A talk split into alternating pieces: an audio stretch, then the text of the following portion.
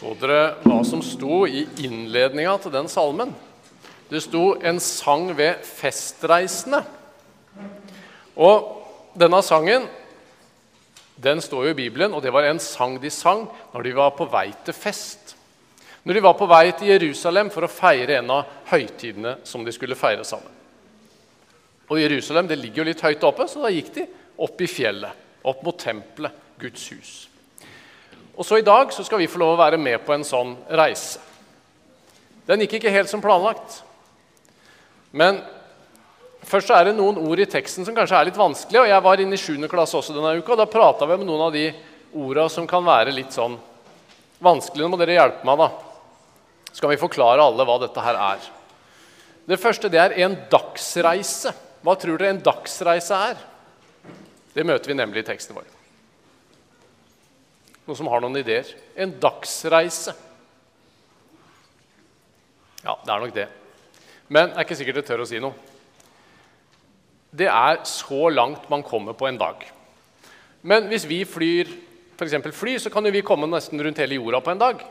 Det er ikke en dagsreise. En dagsreise er så langt man går på en dag. Og det er kanskje 30-40 km hvis man er litt stor. Kanskje man kan gå til Ulefoss eller til Larvik eller jeg vet ikke hvor det blir hen. Det er ganske langt. Da går man helt fra sola står opp, til den går ned. I en dagsreise. Og så, hva er det å være forstandig? Ja, For å svare på det spørsmålet så må man være litt forstandig. Det er å være klok eller ha kunnskap. Eller være litt smart, kanskje. Vis. Det er å være forstandig. Det ordet møter vi også. Og en siste, et uttrykk som er litt rart slått av undring. Slått av undring. Det høres egentlig helt rart ut når man tenker på det, men det betyr å bli ganske overraska. Og de tre orda de møter vi i teksten vår. Og nå skal jeg lese for dere fra Lukas kapittel 2. Nå er vi klare. Vers 40-52. Så jeg har tatt med noen bilder fra søndagsskolebladet vårt som også har disse litt fra denne historien. Og gutten, det er altså Jesus, vokste og ble sterk, fylt av visdom, og Guds nåde var over ham. Hvert år pleide Jesu foreldre å dra til Jerusalem for å feire påske. Da han var blitt tolv år, dro de som vanlig opp til høytiden. Men da høytidsdagene var over, og de skulle hjem, ble gutten Jesus igjen i Jerusalem uten at foreldrene visste om det. De trodde han var med i reisefølget og gikk en dagsreise før de begynte å lete etter ham blant slektninger og venner. Da de ikke fant ham, vendte de tilbake til Jerusalem for å lete etter ham der. Først etter tre dager fant de ham i tempelet. Der satt han blant lærerne, lyttet til dem og stilte spørsmål. Alle som hørte ham, undret seg over hvor forstandig han var, og hvor godt han svarte. Da foreldrene så ham, ble de slått av undring. Og hans mor sa, 'Barnet mitt, hvorfor har du gjort dette mot oss?' 'Din far og jeg har lett etter deg og vært så redde.' Men han svarte, 'Hvorfor lette dere etter meg?' 'Visste dere ikke at jeg må være i min fars hus?' Men de forsto ikke hva han mente med det han sa til dem. Så ble han med hjem til Nasaret og var lydig mot dem. Men hans mor tok vare på alt dette i sitt hjerte. Og Jesus gikk fram i alder og visdom. Han var til glede for Gud og mennesker. Nå har, Gud, nå har Jesus blitt tolv år. Og når man var 12-13 år i Israel på denne tida, så blei man regna som voksen. Stor nok til at man skulle følge Guds bud skikkelig. Ta litt ansvar. Mange av dere er 10, 11, 12 år. 9 kanskje. Er dere voksne når dere er 12-13? Nei, ikke helt. Men Jesus han tok altså ansvar når han var 12 år. Da var han skikkelig i gang med å utforske forholdet mellom seg og sin far i himmelen, Gud. Og det kan du også gjøre allerede på mellomtrinnet. Så kan du begynne så smått og utforske det. For Gud han har store planer for deg. Han vil være sammen med deg. Han vil lære deg gjennom Bibelen, gjennom kristendomstimer, gjennom at du prater med, med voksne som tror på Jesus. Kanskje dere prater sammen og ber. At du stiller spørsmål. Du er faktisk stor nok til å begynne å ta ansvar, du også. Selv om du fortsatt skal få lov å være barn en god stund til. Det er mye å lære. Men så er det én ting dere som jeg lurer på. Og vi lærer i Kirken at Jesus er fullt ut Gud og fullt ut menneske. Det mangler ingenting på at Jesus Sa jeg, sa jeg riktig nå? Noen ganger så, når man står sånn, så plutselig så sier man feil selv om man ikke har tenkt det. Jesus, fullt ut Gud og fullt ut menneske. Mangler ingenting på det. Men i en tolv år gammel kropp, åssen kan det henge sammen? Åssen funka det? Trengte Jesus å lære noe? Han visste jo alt. Måtte han øve til prøver? Eller bare kunne det på et knips? Hva tror dere? Måtte Jesus øve til prøver? Ja, jeg tror det. Vet dere, Jesus han valgte å lære å bli menneske sånn som oss, på den samme måten som vi gjør det. Så selv om han var fullt ut Gud, så måtte han øve til prøver. Han måtte lære å lese, lære å skrive, alle disse tinga. Kanskje han måtte grue seg for en framføring på skolen. Og dette gjorde han for å vite hvordan det er å være deg, for å ha opplevd det, sånn at han kan være hos deg og forstå deg fullt ut når du har det vanskelig. Når du er svak. Og når du er sterk. Han har opplevd det også. Han ble menneske på ordentlig. Det er noen som har gitt oss et bilde for å beskrive dette litt. Tenk når du sover. Du har fortsatt alle dine egenskaper og evner og kunnskap intakt. Men det er liksom satt på pause mens du sover. Når du våkner opp, så er det jo deg igjen. Sånn kan vi kanskje tenke at det var litt med Jesus. Alle disse guddommelige tinga. Han var fullt ut Gud, men noe av det blei satt litt på pause når han var menneske. Det står at han ga avkall til det. Han sa liksom nei til det en periode, selv om han eide alt sammen og fortsatt var fullt ut Gud. Og så finner jeg, Når vi er inne i sånne vanskelige spørsmål, så finner jeg én ting i historien som trøster meg veldig. Hender det at det er noen ting i Bibelen dere ikke skjønner noen ganger? Det nikkes litt fra både store og små. Sånn er det for meg også. Hva mente Jesus med det han sa der? Egentlig ikke så lett å forstå det. Enten man er 10 år eller 50 år. Det er som om mora de Vi kan tenke på Guds ord som frø. Dere vet frø. Vi kan så de i jord. Og så kan de lande Guds ord da, kan lande i hjertet mitt, og så forstår jeg det ikke. Det blir liksom bare liggende der. og ja, Jeg vet ikke helt hva som skjer med det. Det er helt tørt. Og så har jeg med et bilde her. Her er det også helt tørt. Dette er verdens tørreste sted, Atacama-ørkenen i Chile. Noen steder der går det 500 år mellom hver gang det kommer noen regndråper. Andre steder er det sånn ti år. da. Og det spirer jo ikke all verden i den, på det jordet der. Men så skal du og jeg få gjøre sånn som Maria gjorde. Hun tok vare på orda. Hun tok liksom Frø fikk lov å ligge der. Og så I ørkenen kan det ligge frø gjennom mange, mange år. Og så plutselig, plutselig så kommer Gud med regn. Han kommer kanskje med noe lys over det vi har lært i hjertet vårt, og så spirer det fram. Plutselig så kan det bli fullt av blomster i Atacama-ørkenen i Chile. Det kan bli helt nydelig.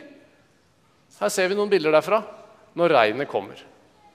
Og sånn er det. Plutselig kan det skje det i Bibelen også, nei, i livene våre også, hvis vi har tatt vare på ord fra Gud.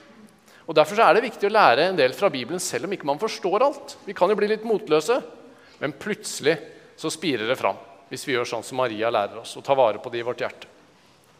Men nå må vi tilbake til historien. dere. Tenk dere panikken til Josef og Maria. De møtes kanskje på vertshuset de har avtalt å stoppe på, sånn en dagsreise unna Jerusalem.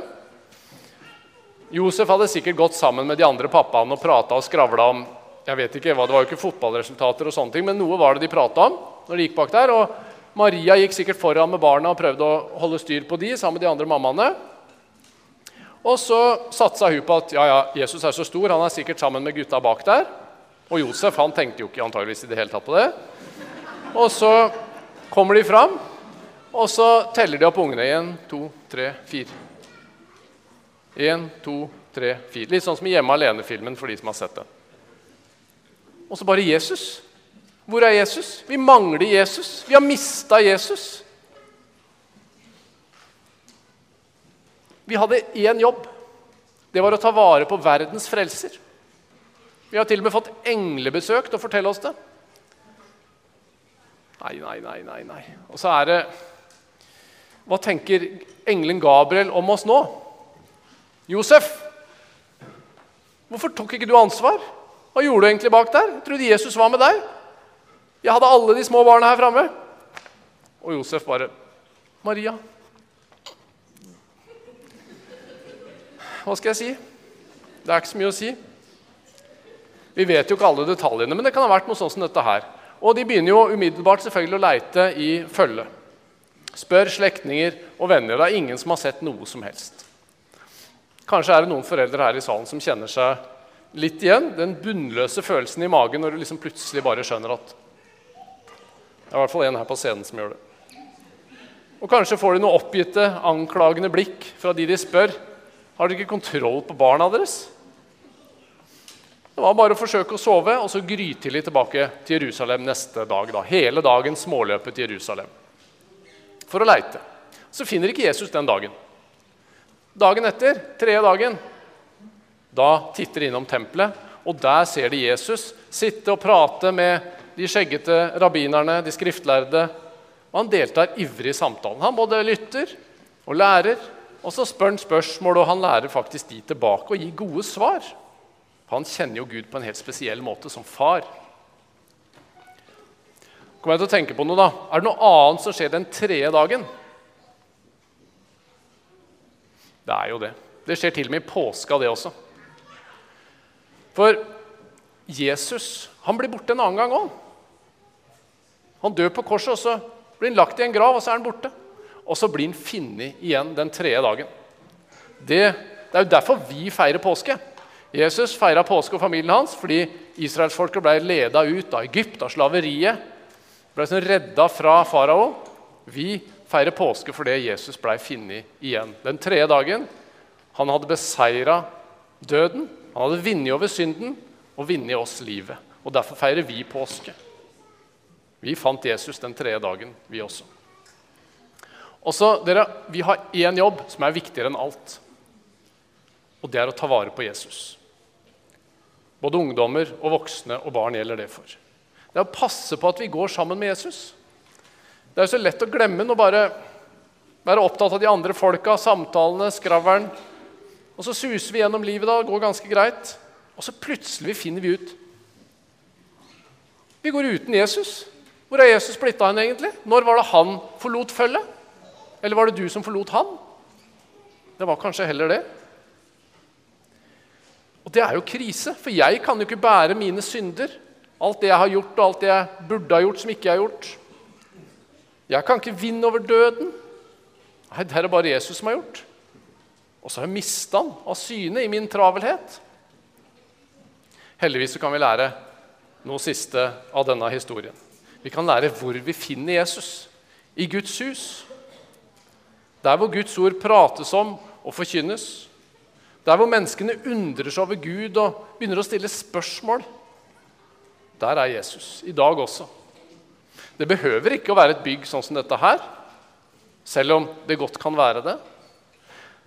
Det står i Bibelen at alle som tror på Jesus, er små templer, altså små kirker for Gud. Kirker på to bein. Jeg, liksom, hadde jeg kunnet tegne, så skulle jeg tegna en sånn fin, liten kirke med to bein.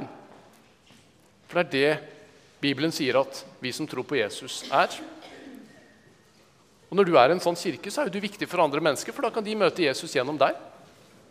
Men det store fellesskapet i kirken din, enten den er her eller andre steder, eller et husfellesskap, det er også ufattelig viktig.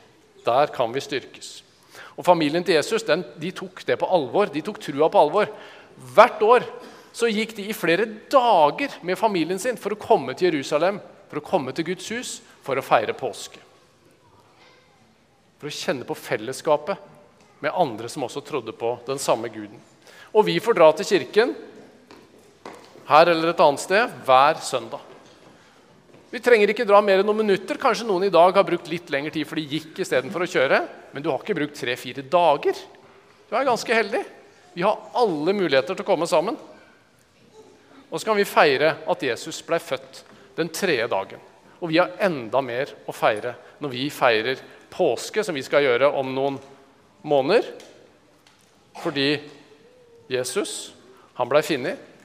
Etter å ha betalt for alt det gærne vi har gjort, etter å ha beseira døden, stått opp igjen til liv for å ta oss med seg inn i himmelen. Han skal bære de tunge byrdene våre. Han vil gå sammen med oss. Og så ber vi om at vi kan blomstre i visdom og i kjærlighet pga. Hans ord. Kjære Jesus, du var til glede for Gud og til glede for mennesker.